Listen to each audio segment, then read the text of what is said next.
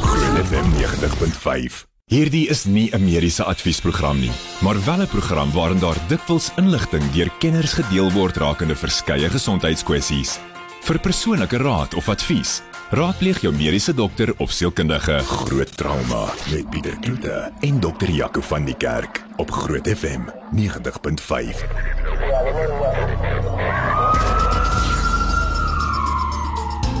Baie welkom by Vanaand se Groot Trauma. Ek is Pieter Kloete en saam met my soos altyd dokter Jaco van die Kerk. Jaco, welkom. Goeienaand Pieter, goeienaand almal by die huis.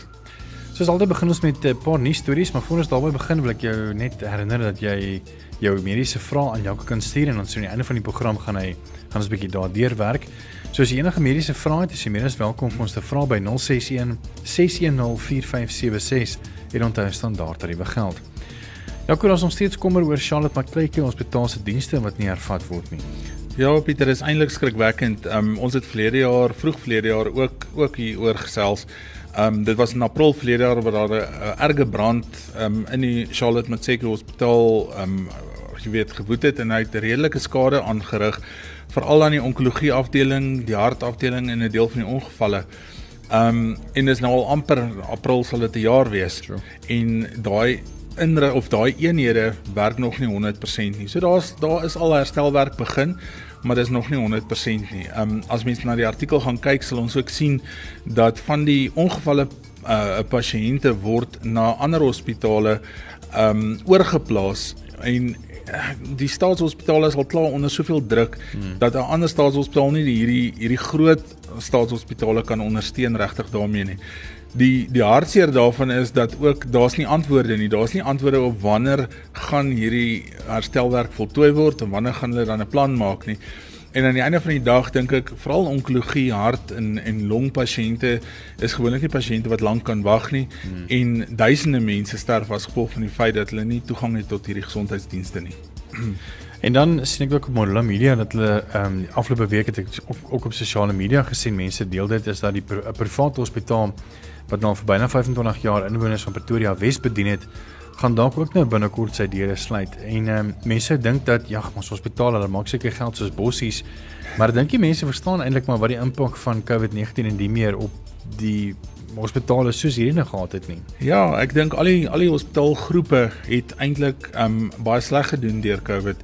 Jy weet, um as mense gaan dink hospitale, dink ek nie maak hulle groot geld uit pasiënte wat lê in die beddens nie. Ehm um, dit gaan oor prosedures, dit gaan oor ehm um, goed wat wat die pasiënte vinnig deurvat. En nou sit jy met pasiënte wat 30, 40, 50 dae in ICU lê, mag geen prosedure word op hom gedoen nie. Ehm um, so die Bougainville Hospitaal het al 'n veelvuldige ehm um, herstrukturerings ehm um, jy weet proses deurgegaan om te probeer dat dit meer lewensvatbaar maak ehm um, in in die hospitaal meer meer produktief en en en en winsgewend maak. Maar met die COVID-19 pandemie het daar weer eens ehm um, negatiewe gevolge ge, gewees as gevolg van van die feit dat daar nie 'n goeie pasiënt deurvloei was nie en dit is net nie lewensvatbaar nie. So as daar nie 'n koper is vir die hospitaal nie, dan sal hy dan moet sluit. Nou om 'n hospitaal te koop, ehm um, Pieter dink ek Ehm um, praat ons nie van 'n 10 of 'n 20 of 'n 30 miljoen rand nie. Ehm um, ons praat regtig van groot geld. So die kans dat iemand nou veral na die COVID-19 pandemie so groot uit uitsetkoste ehm um, gaan aangaan net om 'n hospitaal wat reeds sukkel te koop. Ehm um, dink ek is regtig waar mense kan hoop vir die vir die personeel daarvoor maar dis waarskynlik ehm um, nie in in in die vooruitsig vir daai hospitaal nie. Maar ek dink dit is net 'n baie goedkoop koop as die regering byvoorbeeld die gesondheidsdepartement dit moet koop al is dit nou sê maar byvoorbeeld vir 100 of 200 of 300 miljoen rand of ja. whatever want dit is nog steeds ek dink die moeite werd as mens nou kyk na hoe die ander hospitale so ja. neglect is en meeste van die toerusting by Bougainville is natuurlik nog steeds baie goed na gekyk en ja. opknap en ehm um, so dit is 'n baie goeie hospitaal so ek dink dit is miskien ook nou die guldige geleentheid vir die staat om hierdie winskoopie. Ek dink definitief so. Ek meen, ehm um, dit bly nog steeds deel van die Netcare groep en hulle kyk na hulle hospitale in terme van onderhoud. So ja, ek dink die infrastruktuur is daar. Ons praat nou oor Charlotte moet seker wat al amper 'n jaar staan hmm. en nie kan kan funksioneer nie. Dit is definitief 'n goeie ehm um, goeie koop dalk vir die staat. Want ek ek, hoor iemand luister. Ja, want ek meen Jack Bloom van die DA sê na raming sal omtrent so 6 miljard rand kos om te verseker dat al die openbare hospitale in die provinsie net aan die gesondheids- en veiligheidswetgewing voldoen. Dis nog Ja. nie eens opknapwerk en ander goed wat moet gedoen. Dis net om om om uh, volgens wet te kan op operate. as- Ja, as dan dit wonder mens, um, as mens gaan kyk na die na die nalatigheidseise en eise van pasiënte teen die staatshospitale ook spesifiek hoeveel miljoene of miljarde eintlik dit kos. Hmm. En aan die einde van die dag, um, net omdat dit nie dalk aan die minimum vereistes voldoen nie, ehm um, dink ek regtig waar dis 'n goeie manier om ehm um, dalk ook jou jou risiko te beperk om so 'n hospitaal dalk oor te neem. Ja. En dan 'n storie wat nogal baie mense se harte geraak het is uh, oor Morney Bosman en 'n um, 'n uh, ouetjie wat ook maar deur baie is in sy lewe en hy's nou maar wat 6 of 7 jaar oud. Ja, ek dink hy word nou 7 jaar oud. Ek dink toe ek dit nou die eerste keer gelees het, dink ek hoeveel ongeluk kan een mens tref, jy weet. Hy is op 34 weke swangerskap gebore. Ehm um, en sy ma het dan gelei aan hoë bloeddruk tydens swangerskap of preeklampsie en die enigste manier om preeklampsie wat 'n baie of 'n lewensgevaarlike toestand is in swangerskap vir die vrou en vir die baba, die enigste manier om dit te behandel is eintlik om die babatjie te verlos. So hy is op 34 weke vroeg gebore Um en eers na sy ontslag uit die hospitaal het die ma agtergekom daar's fout met sy bewegings en die manier hoe hy sy handjies en voetjies hou en cerebrale gestremdheid is by hom gediagnoseer asook dan uit die aard van die saak epilepsie wat baie keer geassosieer word met cerebrale ge gestremdheid. Um toe het die die die probleme nie is nie verby nie. Um tuberkulose is by hom gediagnoseer verlede maand en dan het hy ook op 11 Januarie hierdie jaar um COVID-19 opgedoen. Sure. En dis nou die eerste keer dat hy weer kan huis toe gaan. Ehm um, so ja, hom of sy ma noem hom die dapper vegtertjie en ek dink regtig waar dis 'n dis dis definitief een van die van die hartseerste stories eh, vir so 'n jong kind.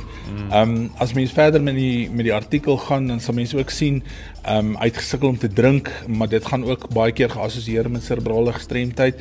So baie van die melk wat hy gedrink het in die longe opgeëindig en dan val die longe plat, so hulle moes ook 'n maagbuis insit en dit is nou met die insit van hierdie maagbuis om hom te voed wat hy dan ook COVID-19 opgedoen het. So sure. daar was baie aanpassings wat met so 'n ouetjie by die huis gemaak moet word en ek dink um mense moet eintlik baie respek hê vir die ouers van so 'n kind hmm. om dat hulle so mooi na hom kyk ten spyte van al hierdie probleme.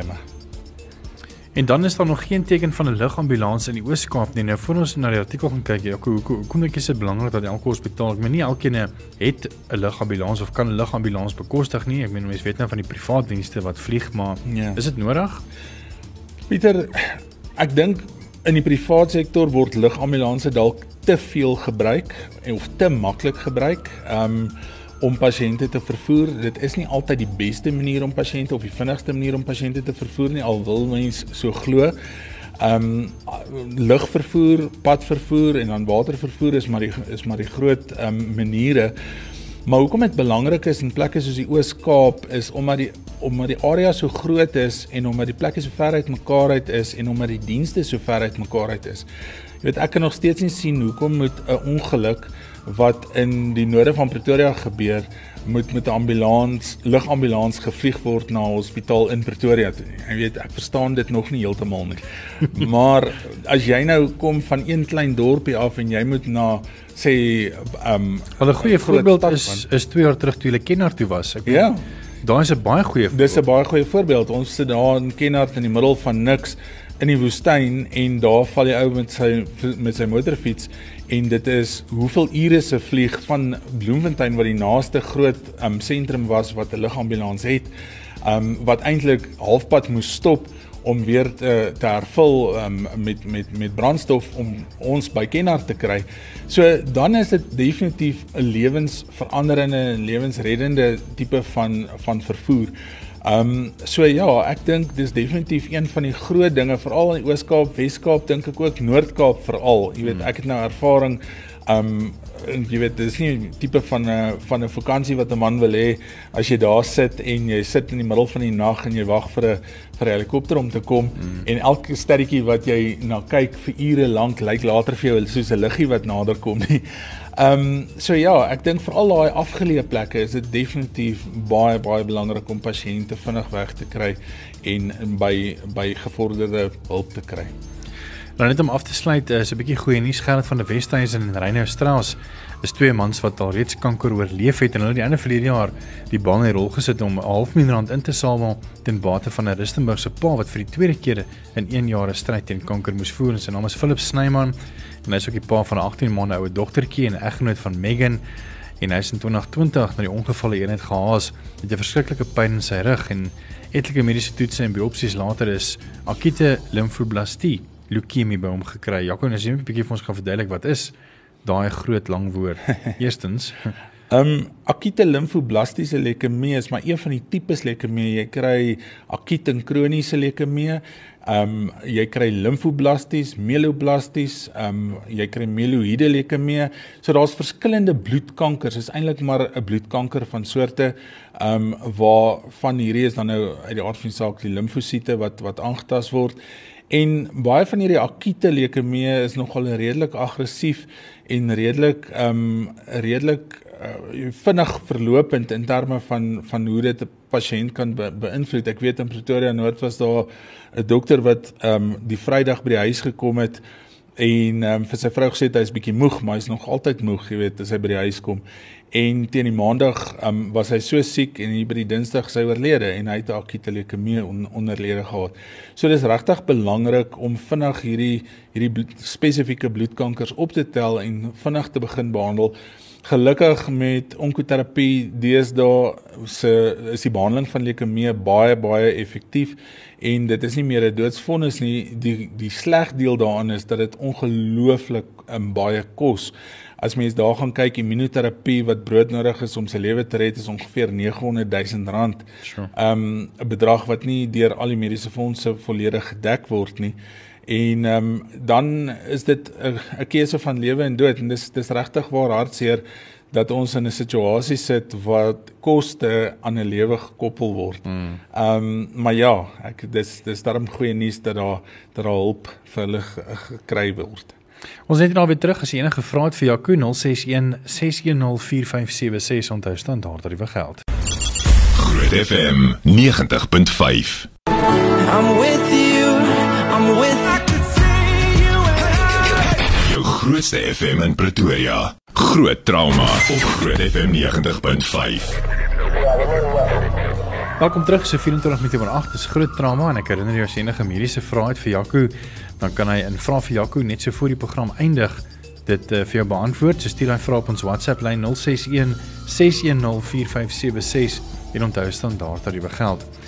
Ons fokus nou 'n bietjie op 'n artikel wat ehm um, vandag geplaas is op uh, Netwerk 24 en ek het ook probeer om die professor in die hande te kry maar kyk hulle seker maar besig nou dat hulle sulke goed uitgevind het om met al die media te gesels. Maar die studie gaan is op visse gedoen en dit toon dat groen rooibostee help dalk angs verlig. Nou voor ons in die storie ingaan, kom ons praat net eers 'n bietjie oor die A-woord. Jaco angs. Pieter, ek dink almal het 'n mate van angs beleef sedert die COVID pandemie in 2020 en 2021 die hele die hele wêreld omgekeer het. Ehm um, ek dink is een van die algemeenste probleme wat ons sien um in praktyk baie keer presenteer die pasiënte wat angs um versteurings het of angs um afwykings het met um mediese klagtes, jy weet, hulle kom met hoofpynne, um moegheid, um wat wat onverklaarbaar is, gewrigspynne, spierpynne, um slaapabnormaliteite wat ewe skielik gebeur. Um hartklopings, jy weet, ek weet nie hoeveel honderde EKG's en hartsonars en borskas ekstrale en hartensiem bloedprofiele ek al gedoen het um in die laaste 2 jaar en dan eindig dit op met angs en stres as onderliggende effek nie. En angs lei as jy kronies angstig is, lei dit tot um funksie inkorting by die werk, jy kan nie konsentreer nie. Dit lei tot depressie. Um en dit is een van die groot siektes van ons tyd, jy weet. So as 'n mens angs kan beheer, gaan jy 'n groot klomp psigosomatiese simptome of simptome wat lyk asof dit 'n mediese oors, oorsprong het, maar wat eintlik dan nou um uh, psigologies is van aard. Um jy gaan 'n groot klomp van daai probleme uit die weg ruim en ek dink 'n groot persentasie van van mense wat ons in ongevalle sien tans um het baie meer angs as wat hulle mediese siektes het. Hmm. Onderliggend, definitief. En al die jonger mense kry angs. Nou die studie is, is gedoen op sebravisse deur navorsers van die Universiteit van Stellenbosch onder leiding van professor Karin Smith. En hulle het bevind dat rooibos tee en spesifiek ongefermenteerde groen rooibos tee moontlik kan help om angs te verlig. Nou ons almal weet dat rooibos tee wat uniek tot Suid-Afrika is en hoofsaaklik daar in die Cederberge in die Wes-Kaap verbrou word, is een kafeïnvry en twee anti-inflammatories en dit bevat ook antioksidante en noodsaaklike minerale en vitamiene uh en dit verminder blykbaar pyn en allergieë en speel ook 'n baie belangrike rol in hartgesondheid en sy het gesê aan uh, netwerk 24 dat die onlangse bevinding is dat ook angs uh, weerende eienskappe het. Uh, dis nou hierdie rooibos tee, die groen blaartjies um, en hierdie tee selfs meer gesog as daaglikse aanvullings kan wees. Ja, Pieter, en ek dink um, ons nou gesê jy het of jy het gelees daar kafeïnvry. So wat maak ons as ons moeg is en lam en tam is? Ons gaan soek energiedrankies. So ons gaan koffie drink en ons gaan al hierdie energiedrankies wat wat hoog is in kafeïen gaan ons gebruik. Dis anti-inflammatories, dit het 'n pynweerende effek en dis alles simptome ook van angs. Mense kry borskaspyn, mense kry spierpyn, hulle um hierdie moegheid, hartklopings. Um en dit het alles dan 'n effek daarop. Um obviously die antioksidant effek is is uitstekend um vir vir baie redes. Um vir vir die koronêre vate, maar ook vir al die sistemiese bloedvate. En um ek dink boonbehalwe angs het dit net 'n baie goeie effek op algemene gesondheid um by die mens. Nou hulle sê hierdie visse kan so 3 jaar in 'n laboratorium leef teenoor so wat 'n jaar in die natuur wat hulle so gesog vir navorsing maak en dat die meeste navorsing tydens die vroeë larwe stadium gedoen word wanneer hulle nog nie eens wesens met gevoel kan beskou word nie. So baie interessante artikel gaan lees gerus daarso verder en uh, dis op netwerk24.com en dit bring ons by ons mediese mite minuut. En my vraag aan jou is Jaco of my mediese mite minuut aan jou is uh moet jy vir my sê of dit reg is of nie maar angs is nie eintlik regtig 'n 'n diagnose nie dis maar net 'n gevoel wat mense maar moet oorkom. Pieter, angs is 'n diagnose. Angs het 'n ICD-10 kode algemene angsversteuring en daar subtipes ook um, wat beskryf word in die Diagnostic Systems Manual vir psigiatrie. Ehm um, so ja, angs is 'n diagnose. Angs is 'n werklike siekte en angs is een van die groot dink ek bydraende faktore vir koste ehm um, tans in in die geneeskunde en die geneeskunde behandeling. Jy het nog eenetjie nê nee, op. Ja, ek dink ons gaan bietjie later praat oor oor slaap ook en ek dink baie mense dink mense hoef nie 6 tot 8 ure slaap per nag in te kry nie, veral die mense wat so deernag tot so 3 uur in die oggend hulle in TV kyk. En ehm um, as 'n mens gaan kyk daarna 'n slaapsiklus is omtrent 90 minute. Jy moet omtrent deur 4 van daai slaapsiklusse gaan om regtig uit te rus. Ehm um, dis nou jou jou rapid eye movement, non-rapid eye movement slaapsiklus wat omtrent 90 minute is. So jy het ten minste 6 tot 8 ure slaap nog steeds nodig. Dis nie net die skoolgaande kinders wat 8 uur in die aand moet slaap nie. Ja.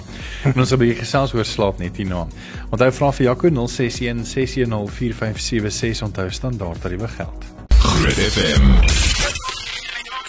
Maak my sommer gelus. Waar is my dynamiek? 90.5 Groot trauma met Pieter Kloete en dokter Jaco van die Kerk op Groot FM 90.5.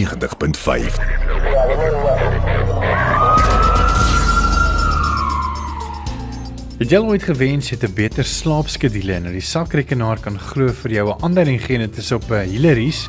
Dis die webblad se naam hillary's.co.uk.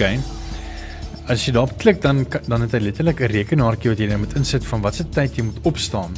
nou ek het ingesit 4 uur want dit is omtrent wat ek moet opstaan om by die werk te wees hier by Groot FM in die oggende.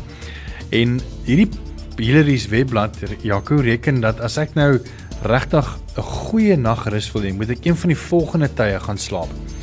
Of 6:46 die aand of 8:16 die aand of 9:46 die aand of 16 minute oor 11 vanaand moet ek gaan slaap om ehm um, om 'n goeie nagrus te hê. Hulle sê ook hierso remember, most people take about 40 minutes to fall asleep and this is factored into your bedtime by the sleep calculator.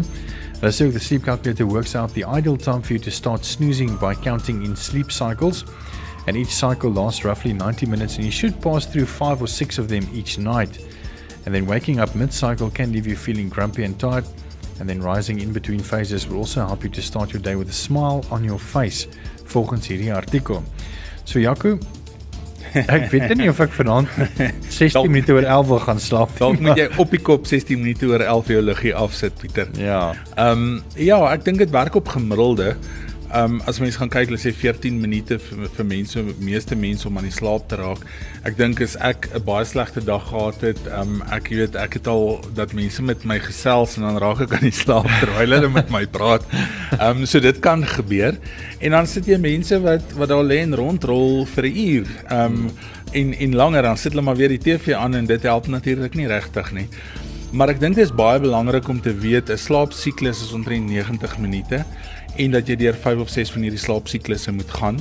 Ehm um, dan het 'n mens die twee groot slaap ehm um, patrone, jou rapid eye of jou REM slaap, rapid eye movement slaap. En dis dan uit die aard van die saak presies wat gebeur, jou oogbewegings is al vinniger, jy het 'n lae spiertonus ehm um, deur jou hele lyf en dit is wanneer jy jou droomsiklus het en dan jy jou nie rapid eye movement slaap nie um, wat mekaar afwissel en dit is interessant in die rapid eye movement slaap gebruik jy dieselfde of selfs 'n bietjie meer um glikose vir energie as wat jy in die wakker siklus gebruik en dan um is daar omtrent 10% daarvan um van daai hoeveelheid energie gebruik jy in die nie rapid eye movement slaap nie. So ek dink jy moet deur al daai siklusse gaan en dis baie baie belangrik om nie dit te onderbreek nie. En dis die probleem wat ook 'n baie algemene probleem is in ons land veral omdat meeste van ons ehm um, jy weet populasie begin ly aan oorgewig ehm um, is is slaapapnee. Hmm. En dit is 'n totaal ondergediagnoseerde siekte toestand en dit maak 'n groot impak op jou hele lewe en elke liewe stelsel wat jy aan kan dink. Het sy van jou brein ehm um, wat jy nie kan konsentreer nie, depressie, angstigheid soos wat ons nou nou gesê het, iskemiese hartsiekte wat erger is, beenmetabolisme wat agter agteruit gaan. Jou skildklier want jy gaan nie deur 'n normale ritme van wakker en slaap nie. So daar's geen stelsel in jou liggaam wat nie aangetast word deur dit nie. Um as ek nog iets kan sê oor slaapapnee is uh, dis dis meer mans as vrouens. Um maar deesdae sien ons meer vrouens ook en gewoonlik is dit nie die pasiënt wat by jou kom en sê ek wonder of ek slaapapnee het nie. Dis die man se vrou wat by jou kom en sê my man snork my wakker in die nag en hy hou op asemhaal en ek moet hom met die elmboog en die ribbetjies beet kry voordat hy weer begin lyk asof hy tekens van lewe toon, jy weet. Ehm um, dis daai ouens wat se suurstofvlakke tot so mate daal dat hulle kan skade kry. Hulle serotonien produksie, hulle dopamien produksie, hulle hulle feel good, good hormones soos wat die uh, Engels ouens gaan sê word nie um, optimaal geproduseer nie. Hulle gaan glad nie deur hulle slaapsiklus nie en dis die ouens wat sukkel met hoë bloeddruk, diabetes, cholesterol, ehm um, wat wat wat ook aan slaapapnee ly. So jy moet dit regtig waar baie mooi gaan soek in terme van die geskiedenis, dit bevestig met 'n slaapstudie en dan optimaal behandel um met 'n uh, redelike verskeidenheid van behandelingsmodaliteite wat dan beskikbaar is. Net gou vinnig om af te sluit, uh, vertel ons 'n bietjie meer van drome Jaco. Wat ek ek het nou gedroom ek wen ek wen 'n groot klomp geld. Uh wat wat is drome volgens jou en wat jy nou maar leer op mediese skool en sulke goed. Ek weet dis mos maar meer en ek oor sielkunde en die siege. Ja, Pieter, die die bietjie wat wat hulle vir ons van sê is dat uit die hart van die saak drome gebeur in jou in jou in 'n rapid eye movement slaapsiklus. Ehm um, wat eintlik relatief kort is. Ehm um, en dit is eintlik maar gedagtes in jou onderbewussyn of goed wat jou pla of goed waaroor jy dink die heel dag wat in jou onderbewussyn is wat na vore kom. Um baie keer wil 'n mens graag iets wen of jy wil graag iets iets doen en dit dit gaan in jou onderbewussyn wees. Ek dink droom is nog een van daai goed wat min mense kan sê dis presies dit. Ek dit is een van daai wollerige wetenskappe. Ek dink ons dis dis heeltemal buite medisyne wat eintlik 'n swart en wit tipe van van van situasie is en en ons persoonlikhede in medisyne wil graag iets as swart op wit hê. Hmm. En hierdie is 'n baie baie wollerige ding. Ons weet net dit gebeur in rapid eye movement slaap siklus. Net die dag het 'n bietjie gesels oor Pfizer wat nou vir kinders onder 5 in Amerika wil wil begin inent. En uh, dan is dit tyd vir vrae vir Jaco. Groot FM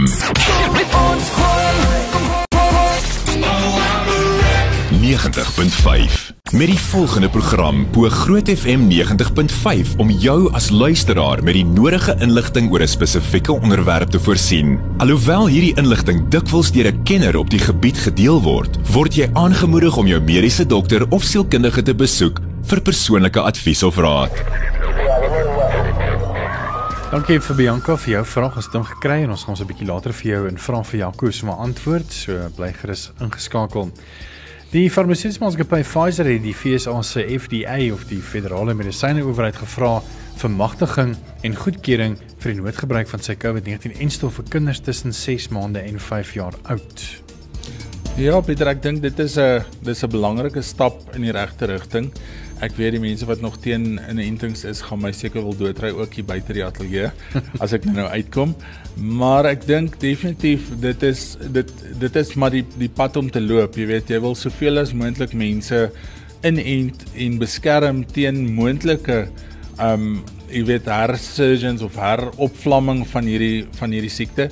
Ons moet onthou die koronavirus is nie 'n nuwe virus nie en is ook nie 'n virus wat gaan weggaan nie. Um die COVID-19 is maar net 'n variant van die totale koronavirus groep.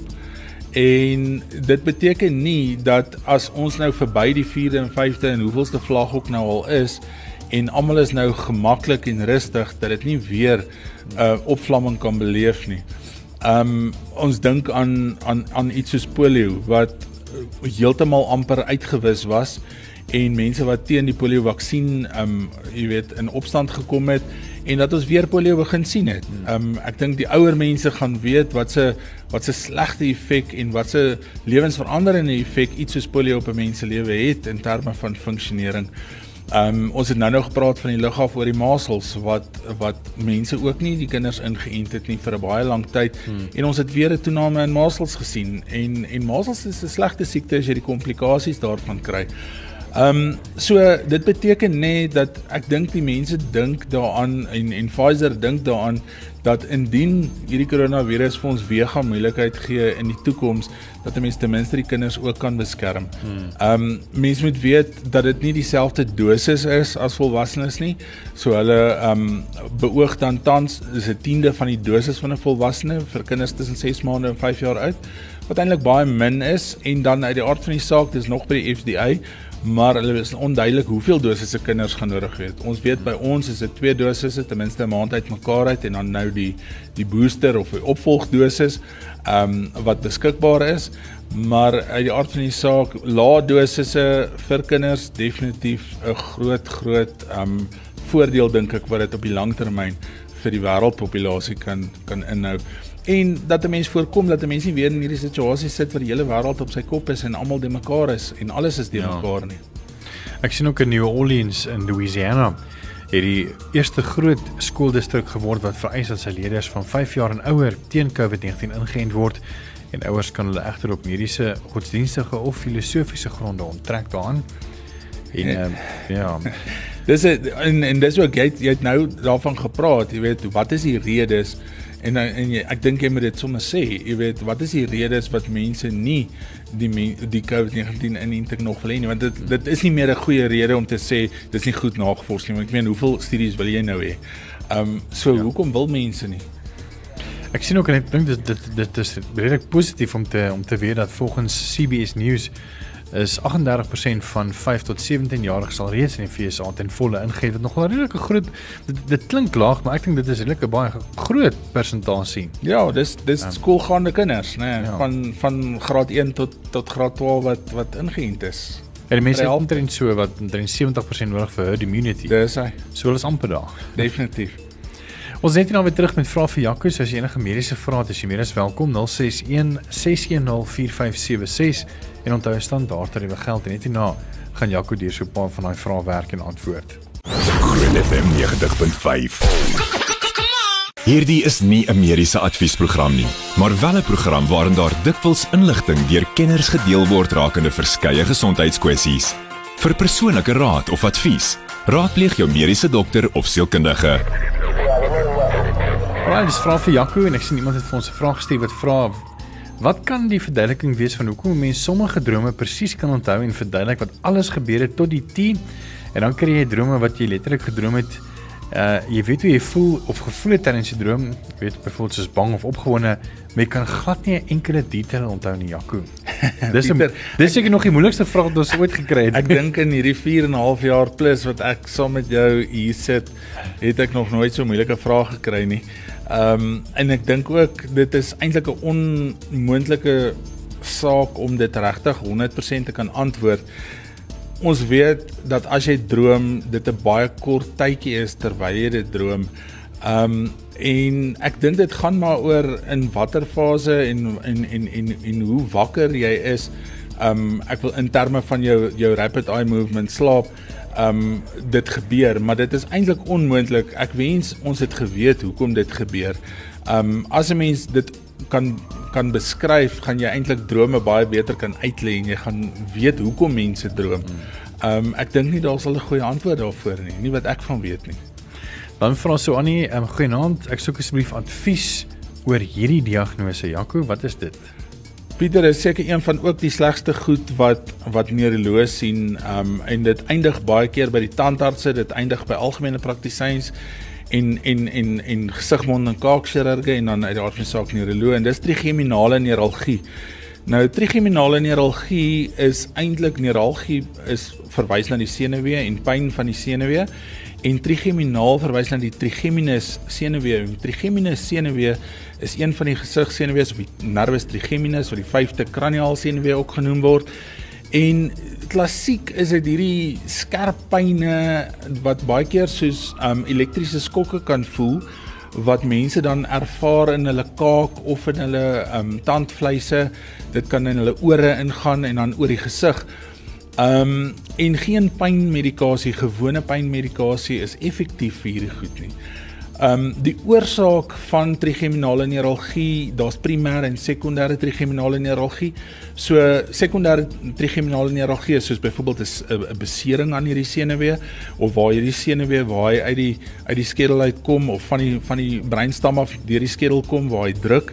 Um dit is dit is dan uit die aard van die saak kan jy hanteer, maar jou primêre uh trigeminale neuralgie is 'n baie moeilike ding omdat ons nie weet hoekom dit daar is nie. So hoe dit behandel word baie keer is met uh senuwee geleidingsmoduleerders, nou is 'n hele klomp middels op die mark en dan lae dosis anti-epileptiese middels omdat dit ook die geleiding van elektriese impulse deur die senuweestelsel um verander. So daar is 'n paar van die neuroloë in Pretoria wat spesialiseer in die behandeling van trigeminale neuralgie. En ek stel voor as die diagnose baie mooi gemaak is want dit begin gewoonlik by die tandarts met tandpyn en dan gaan dit algemene praktyk toe dan dink almal dit is hierdie hierdie TM artralgie of temporomandibulêre artralgie hier by jou kakebeen en dan eindig dit later eers op as trigeminale neuralgie. Ek dink as die diagnose mooi gemaak is, is dit die moeite werd om een van die neuroloë wat spesialiseer in daai behandeling te gaan raadpleeg omdat dit 'n ongelooflike moeilike ding is om daai pyn weg te kry en dit beïnvloed mense se lewe regtig dramaties. En kroniese pyn, weer eens, depressie, angs en funksioneringsinkorting is een van die groot probleme. Dan vra Elsie goeienaand, ek het Augustus my tweede inenting gehad. Wanneer moet ek weer gaan? 6 maande, nee, Jaco. Ja, dink definitief 6 maande na die na so die Augustus, uh, dis dan September, Oktober, November, Desember, Januarie. So jy kan nou in Februarie maand gaan vir jou opvolg. Daar's hy.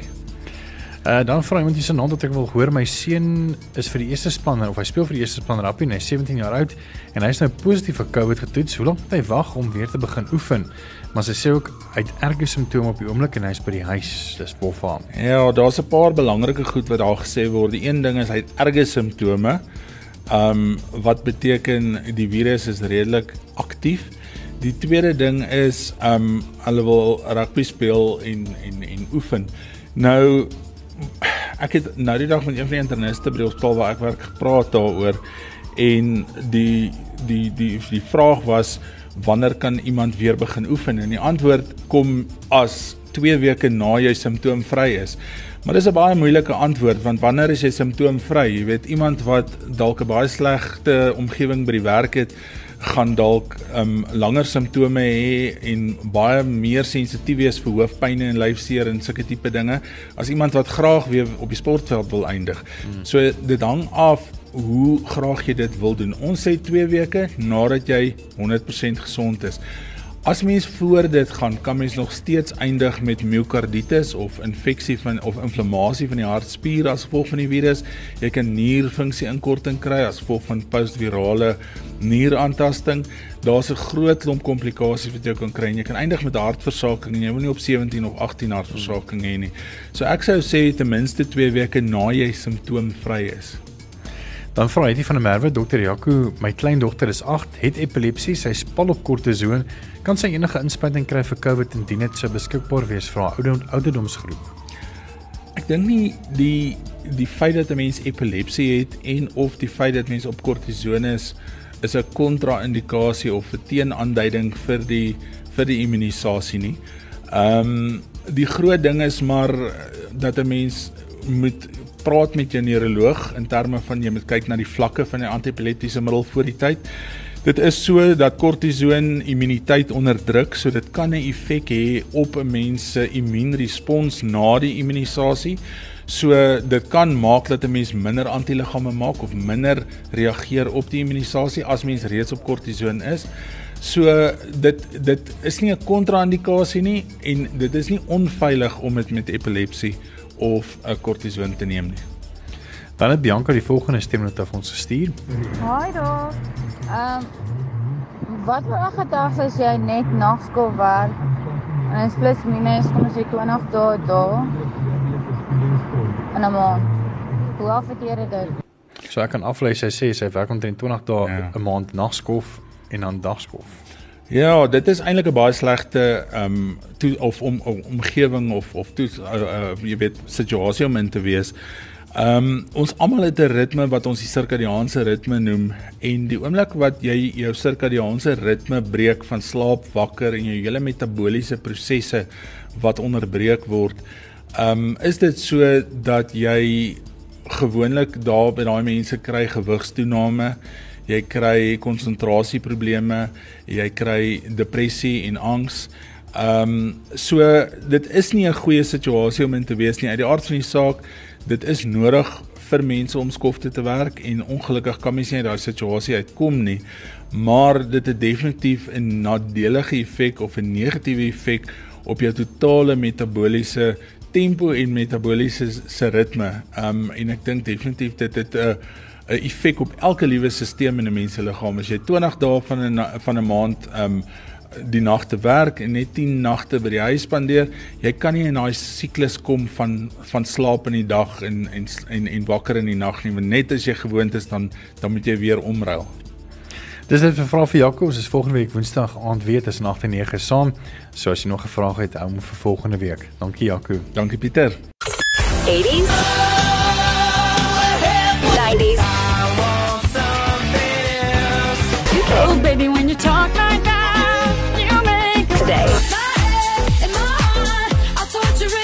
Groot FM 90.5